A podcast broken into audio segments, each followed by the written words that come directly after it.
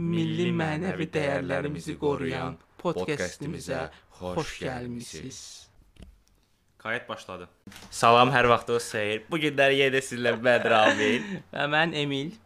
və bu günləri biz özümüzə nəhayət ad tapdıq. Düz sizdən soruşduq, amma sizin cavabınızı gözləmədən bir cavab, bir ad tapdıq. Yadımıza düşdü ki, bizim əslində neçə il bundan əvvəl bir dənə qrupumuz var idi. Qrupumuz deyəndə bir dənə veriliş biz hazırlamışdıq məktəbdə oxuyanda. Bir dənə müəllimimiz var idi. O gəlib uşaqlar yığmışdı başına.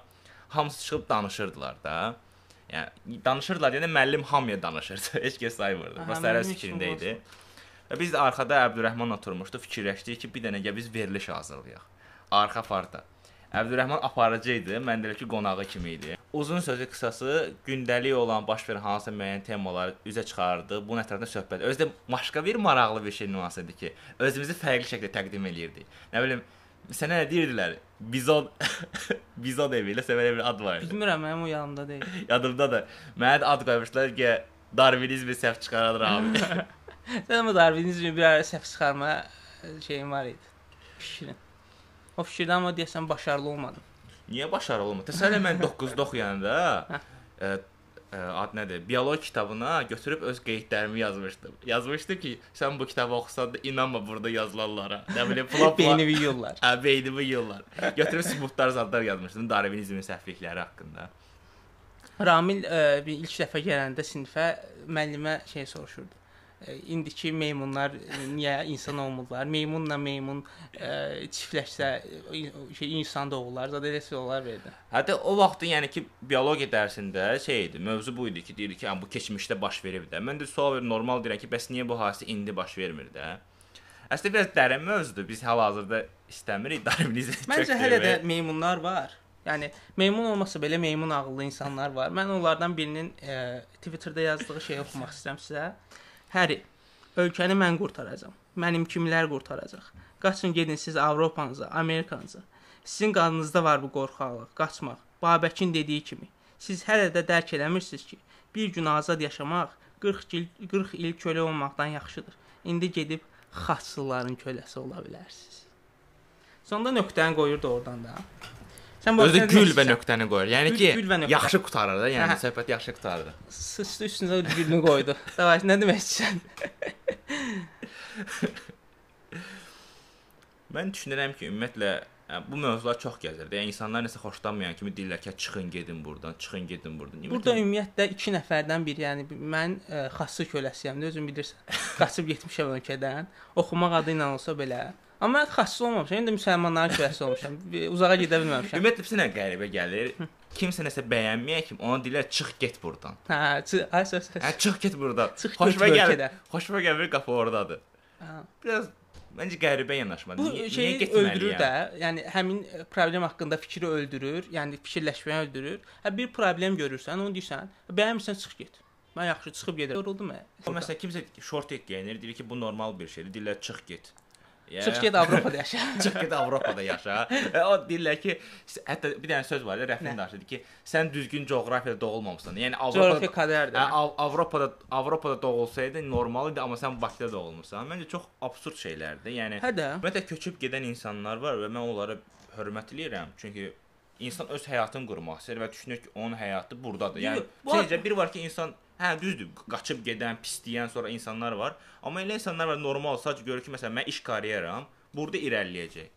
Bu adamlar elə bilirlər ki, çıxıb getmək hər hansı, yəni ölkədən çıxıb getmək. Bu ən asan işdir. Ay, sağ Bu Ən asan, işdir. Şey ə, olaraq demirəm, pul olaraq ya da ki, orada ilk anlarda çətinliklərdən danışmıram. Yəni mental olaraq da sən neçə ildə ən azı məsəl üçün də deyə 18 yaşında çıxıb gedirsənsə, 18 ildə yaşadığın yeri tərk edir. Nə qədər xoşlama, nə qədər şey eləmə, amma yenə də hər hansı bir xoş xatirə qalır. Hər insanın bir səbəbi ailəsi var. qalır. Yəni Əlbəttə. elə insan var ki, sadəcə prosta mən mühəndisəm, məsələn, kompüter mühəndisiyəm. Kompüter mühəndisi cəhətdən mənim üçün daha uyğun olar ki, Amerikada gedib orada iş yaşamağı.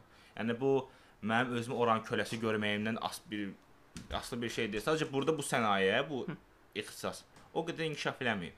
Yəni mən burada nə edə bilərəm? Belə. Məncə doğru bir şey odur ki, adam prosta rahat yol tapıb ki, ölkənin öz özü kimi düşünən insanlar saxlama. Çıx get. Məncə rahat bir yol tapıb Yox, bunun sözündən çıxıb gedən var. Təsəvvürlə şey Məncə var. oxudum. Sumkalarımı yığmışam oraya. Mən də sentyabrda gedirəm. Səncə çox qəribədir. Hər cümləsini dayanıb bir-bir oxumaq lazımdır. Məncə ilk cümləsində deyi şey dediyi kimi hər hər ölkəni mən qurtaracağam, mənim kimlər qurtaracaq. Birincisi sənin kimlər, yəni bu haqqda danışıb yoruldum bu bu, bu kim, kimdirsə məni çox yordu da Ümumiyyətlə. Babəki bura ara yerdə getməsə. Babək məsələn orada birbaşa mənada köləlik idi. Yəni bu adam Avropaya gedib nə kölə olur, o mənə çatmır. Ya pis vəziyyəti tutmuram. Tutmadığım şey budur ki, ölkədə əvvəl neçə min il bundan əvvəl köləlik var idi də. Yəni biz başqa bir ölkənin müstəmləkəsi idik. Amma sən Avropaya getməklə Avropa müstəmləkəsi olmursan ki, yəni insan onsuz da müstəmləkə olmur. olursan. Sən sən səhv Bu insan ağlında olursan. Əlbəttə olursan. Və bu insanlardan e, bu insanın da qəribəsi, bu insanın fikri ilə razı olanlardır. Mən həmişə deyirəm, məsələn, bir dənə fərqli bir şey görürəmsə, mənim fikrimlə ə, ra- yəni üst-üstə düşməyən bir fikir görürəmsə, ə, şeydə, hər hansı bir sosial şəbəkədə ən çox zəhləm gedən şey o adam olmur. O adama haqq verən və daha 5 qat daha betər şeylər yazan adam var. Məsələn, üçün keçən dəfə baxırdıq, şort geyən bir dənə qardaşı ə, şeyə buraxmırdılar. Natar. Ay notariusa da buraxmırdılar. O həmin Əslində haqqları yox idi ya buraxmamağa da. ya, o heç şey, onsuz da onun danışmağın yeri yoxdur. Orada o o ə, göndərinin altında yazılan şeylərdir. Nə bilim öldürülməlidir. Yaxşı ki buraxmayıblar. Mən üzünə tüfürərdim. Ə, Buraxmayıblar yaxşı. Aysə cəhənnəm Şortka gedəndə cəhənnəmə gedəcəklər. yoruldum mən. Bilginizə şortik geyinib bu istidə gəzirsinizsə, cəhənnəm bundan da istidir. Gördün? Vurdu da, vurdu. Əmələ başlı dağıtdı məni. Yəni- Yəni, Məsələn, indi işimiz indi şortikdəyik. Bu söz səni necə təsir elədi? Mən şəxsən yanıram indi. İstidən əlavə başının istisindən 46 dərəcə isti var bu dəqiqə, amma yəni mən cəhənnəmin istisi məni Bilmirəm prosta məntiq çatmır ki, yəni Açığı mən şortikdə bir adam görəndə özüm belə olsun. Məsələn, Ramil indi mənim yanında şortiklə oturur. özünə qarşı təhqir istəyirsən bu dəqiqə. Mən ehtiraslanıram. Bu dəqiqə səni söyərəm bax ayaq. Mən Raminin ayağına tüfürmək istəyirəm buraya. Yəni niyə də görməyəm də mən sənə yəni bu da. Çox ağır oldu ya. Yo yo, bu ağır olmalıdır, vurulmalıdır bu. Niyə də sən niyə geyinirsən ki oradan? Şort geyinən adamla danışmaq lazım. Niyə geyinirsən? Onu tənqidləmək lazımdır. Üzünə tüfürmək lazım. Onu cəmiyyətdən qovmaq lazımdır. Burada indi e, Nurlan olsaydı, məncə bizim bu cim danışmağa haqqımız yoxdur. Burada Nurlan olsaydı ikimizin də üzünə tüfürərdi. Çünki o Hər şalvarda. şalvardadır. Düzdür, onda şortikdə gəzən şəkilləri var. Aha var.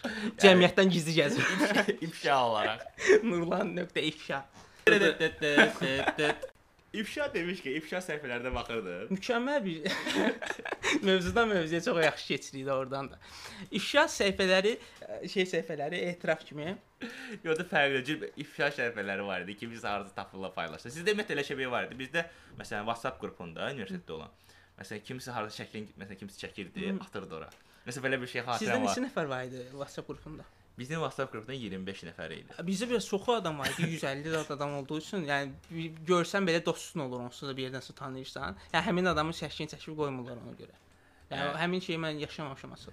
Bizdə var idi. Bizdə məsələn kimsə gətirib çəkirdi. Məsələn, metroda harasa gedəndə yatıb orada nəsə çəkirdi. Sənin mən, mən sənin hansı şəkli görmək istəyirəm? Toyuq dönər yeyən yerdə, 28-də yuxarılarda.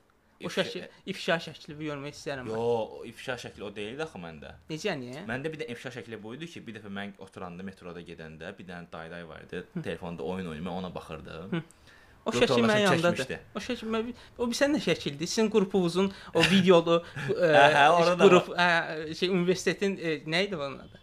Sinifin Hə. dəlisi, sinifin yaraşıqlısı, sinifin bad boyu, nə. Sinifin Sən nə idin sinifi?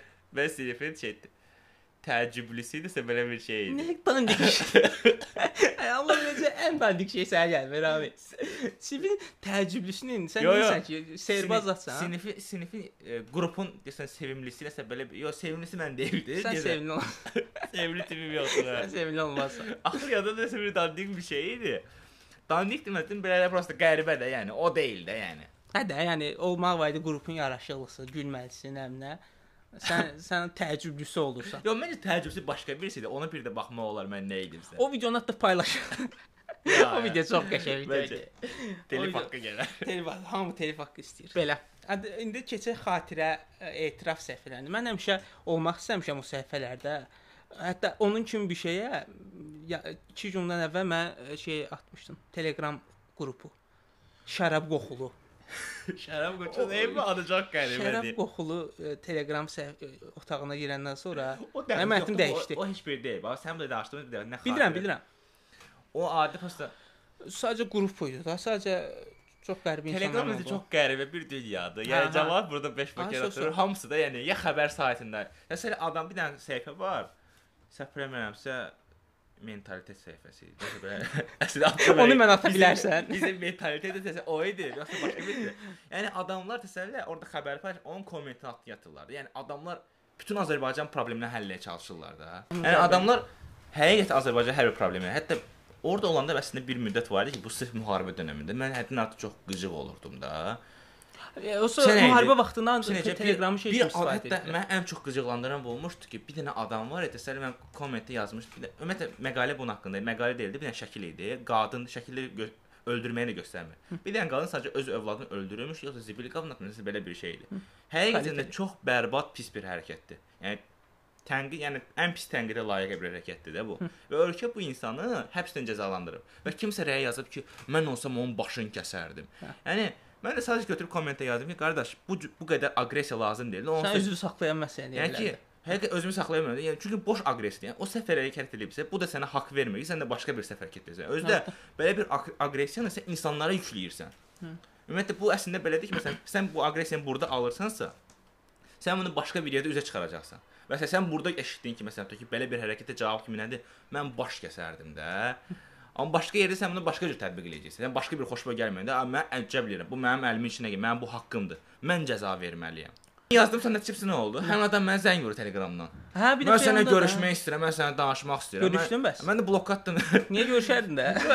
Bir boş gəldi. Yəni onun ünsiyyəti belə boş gəldi. Mən ona sadəcə dedim ki, qardaş get ailənlə vaxt keçir. Hə. Ən sağlamı budur. Yoruldum mən. Sən qrupdasan? Hansı şərab qoxdum, çıxdım Mən də çıxdım. Çox Çox çox. Öz Çox boş ikiliyəm bir mənə taq edirlər. özdə- Gəl bura, nə nə. Səni görüşə dəvət edirik. Gəl danış. Özü ən burada şeydə orada şeydə var. Səsli bir mesajlaşma var da. Belə. Orada bir-birlə dava çıxarırlar. Gecə saat 3-də bir də görürəm ki, səsli qrupdur, nə bilim, dava 2 edir. saat üstə cavab verirsən suallı. Mənə yazıb ki, aktivliyin azdır. Bu mənim həyatımın problemi deyə qarşı. Bu mənim anam atam da deyir aktivliyin azdır. Sən indi mənə durub burada deməyin Telegramda yazmağın düz deyil. Özü də pisəcə mən çoxlu Telegram qrupunda olmuşam. Bunların bir sənə şərəf qoxudub sizə pis idi. Nə? Yəni adamı bu qədər taq eləmək heç vaxt bu qədər ömrümdə taq eləyən olmayıb. Bir 30 dəfə taq eləyən Mən oldu. ilk günü idi, bəlkə 1-2 saat içərisində heç mən bilmirəm mən kimsə ora dəvət eləmiş, tanımadım. Yazdığında sən kimsən, heç nə demədi mənə. Ora Fight Club kimi bir yerdir də. Orada qanun qanunlar var. Ora istərsəməz girirsən. Yəni prosta yeyir. Birinci qanun şərab qoxulu haqqında danışmaq. Özü qrupun bir şey çatmadı ki, və şərəf qoxulundan, yəni mövzunun nə dəxlisi var. Soruşdum yəni dedim ki, burada siz nəyiz ki, oyun oynayırıq, söhbət Sən amma sən necə sual verdin? Yəni sənin səsindən də bəlkə siz burada nə edirsiniz? Polis kimi. siz burada nə edirsiniz? Amma niyə yatmırsan kimi oxudum mən onu. Və sən hər yazında mən çox gülürdüm. Bir də səni tanıyandan sonra da səs, səsində şey oldu. Siz burada nə edirsiniz? Evi atalar kimi bir şey kimi gəlir. Sonra yazmışdım gecəmiz xeyir. Keçəmiz xeyir. Hara gedirsən? Səni yazmışdılar. Əvvəl sonra ba- çıxdım da orada. Mən də çıxdım. Amma çıxandan sonra qəribə deyil, mən bir dəfə də şey atmışdılar. Oyna. Buraxmır, yaxamı Bəlkə mən də buraxmır. atımlar, mən bilmirəm. Yaxamı buraxmır. Atımlar da çıxaram. İndi keçək əsas mövzumuz olan xatirə və etiraf ə, səhifələri. Xatirə dəftəri olur, amma etiraf səhifələri. Mən haqqında bu, bu şey haqqında ə, bilgim azdır. Sən sən danış biraz.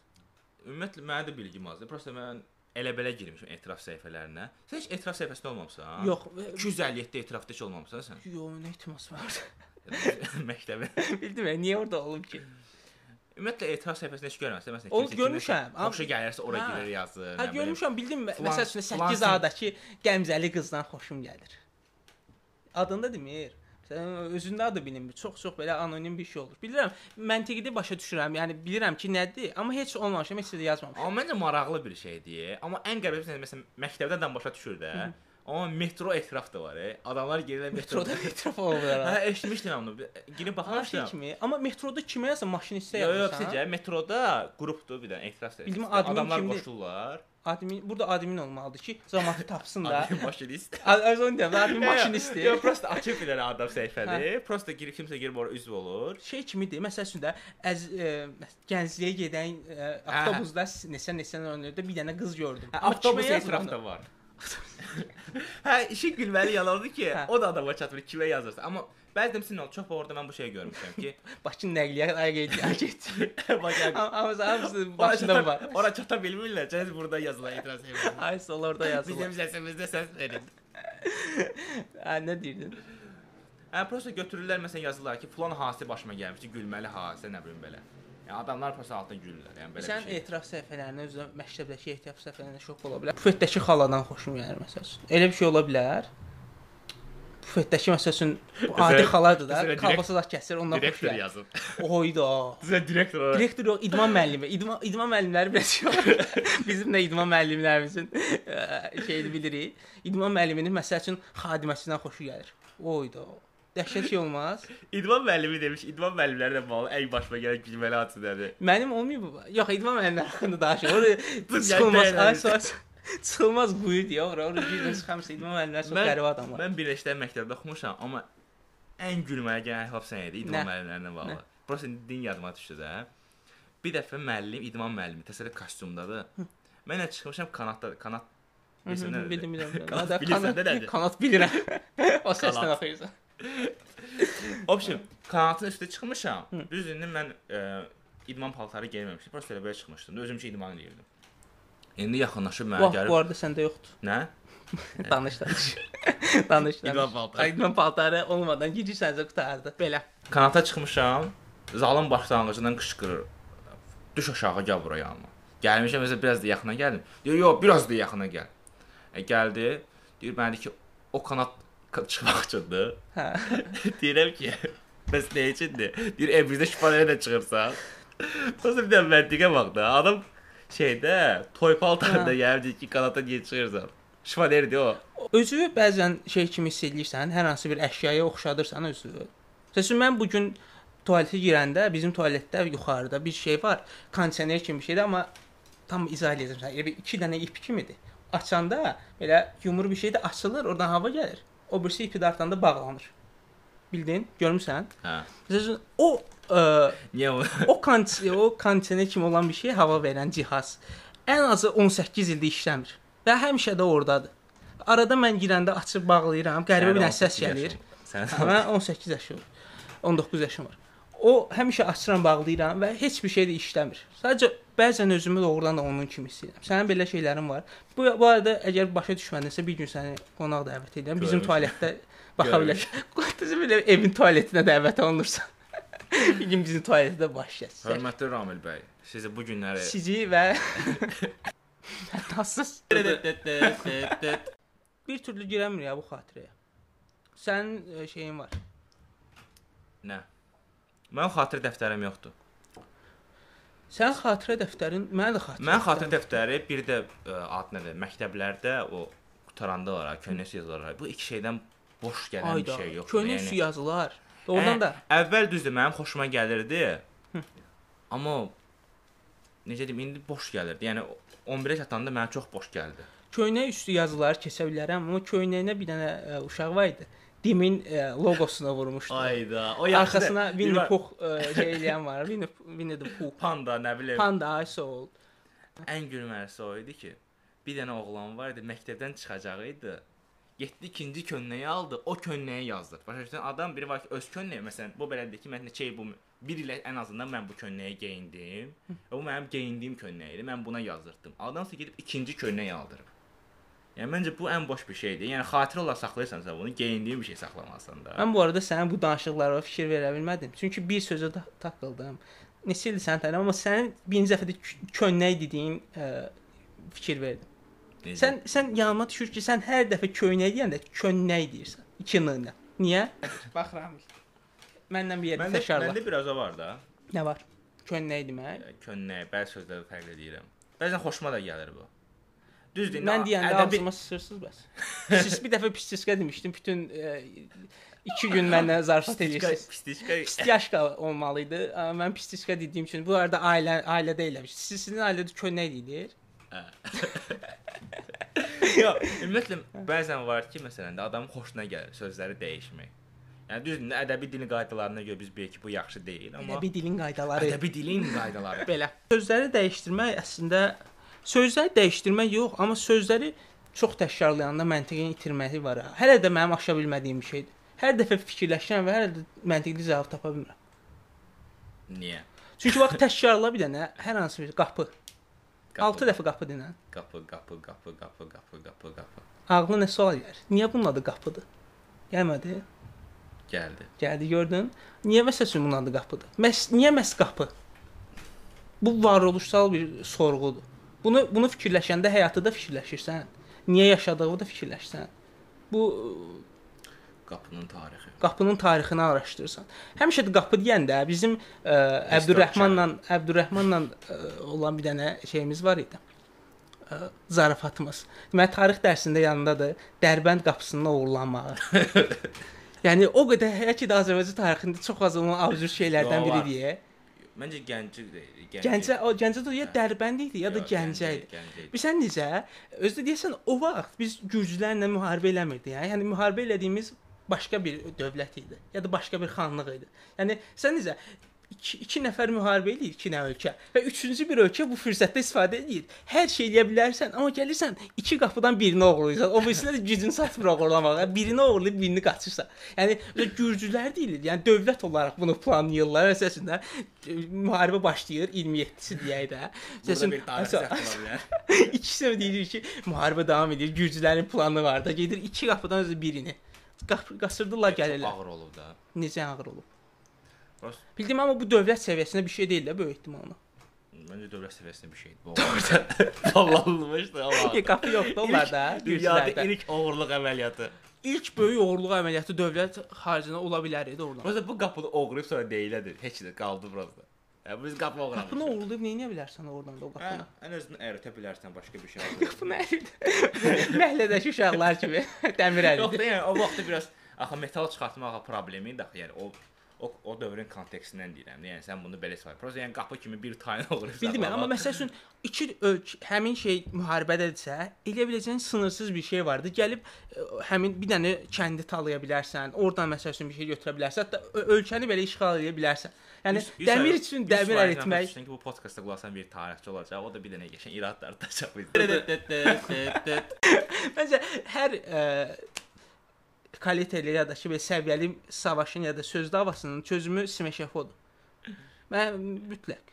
Bu da türkünə taş kağıt makasdır. Bizdə də bizdə niyə Simeşefodur da oradan da? Bunu da tarixini axtarmalıyıq. yəni. Niyə Sveşef oldu? Niyə Simeşefo nə niyə- deməkdir ki? niyə qayçı kağız daşdı belə? Ay, Hələ sən- bizdə quyu da var hələ.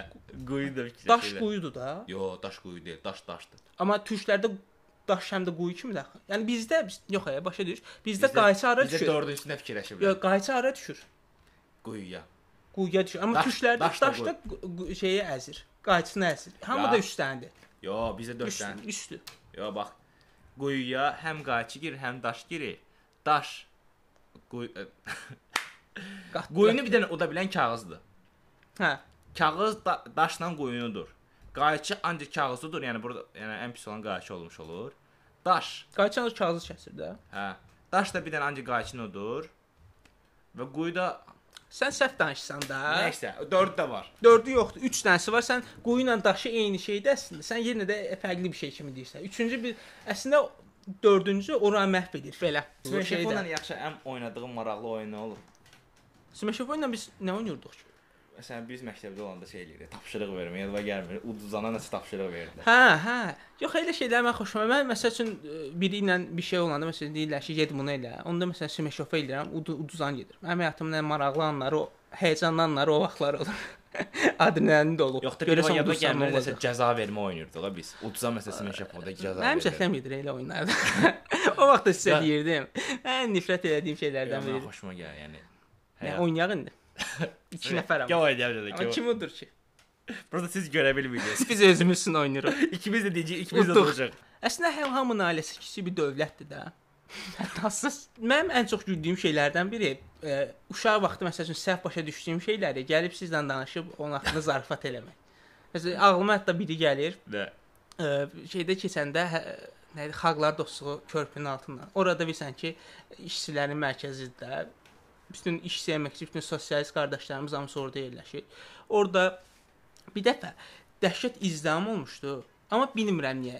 Deyəsən pullarını ala bilmirdilər ya nə idi? Ya da ki, ola maşın gələn hamısı birdən şığıyır axı üstünə Hmm. məsəl üçün də. Elə bir şey olmuşdu bəlkə. Yadımda deyil. Mən onu bir dövlət olaraq fikirləşmişdim. Yəni bunlar ə, müxalifətçi kimi bir şeylərdir, amma əllərini dirəyə tutublar kimi fikirləşmişdi uşaq vaxtı. Yəni bunlar dövlətə qarşı bir şey eləyirlər və qorxmuşdum həmin. Atırdı maşında gedirdi atam maşında. qorxmuşdum həmin. Ölgüdə çevirir. Bir də çeviriş verir. Çevrilişlər dirəklə olur. Adama kişi balta Dirək hərəkatı. Dirəkçilər. Dirəkçilər hərəkatı. Və belə fikirləşmişdi, o da məni o vaxt qorxutmuşdu. Ondan sonra Tarix gəlişlə 17 oktyabr 2002-ci. Ya, iki olmur. 2000 8 2009 2008 2009-cu il. 2009-cu ildə belə. Bakı Yasamalda dirəkçilər hərəkatı başladı.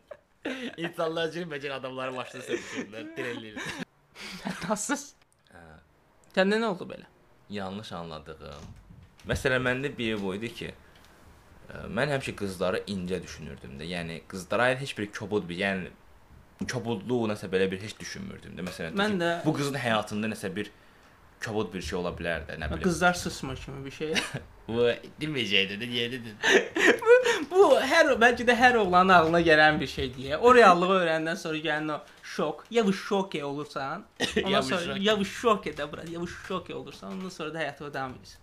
O doğrudan da adamı biraz məhv edir. Bu da tərbiyəsiz idi. Mən də co-host deyiləm burada. Bu şoke də bura. İkimiz e, bu verilişin aparıcıları deyilik. Burada nə hörmətsizlik. Belədir. Bizdə belədir.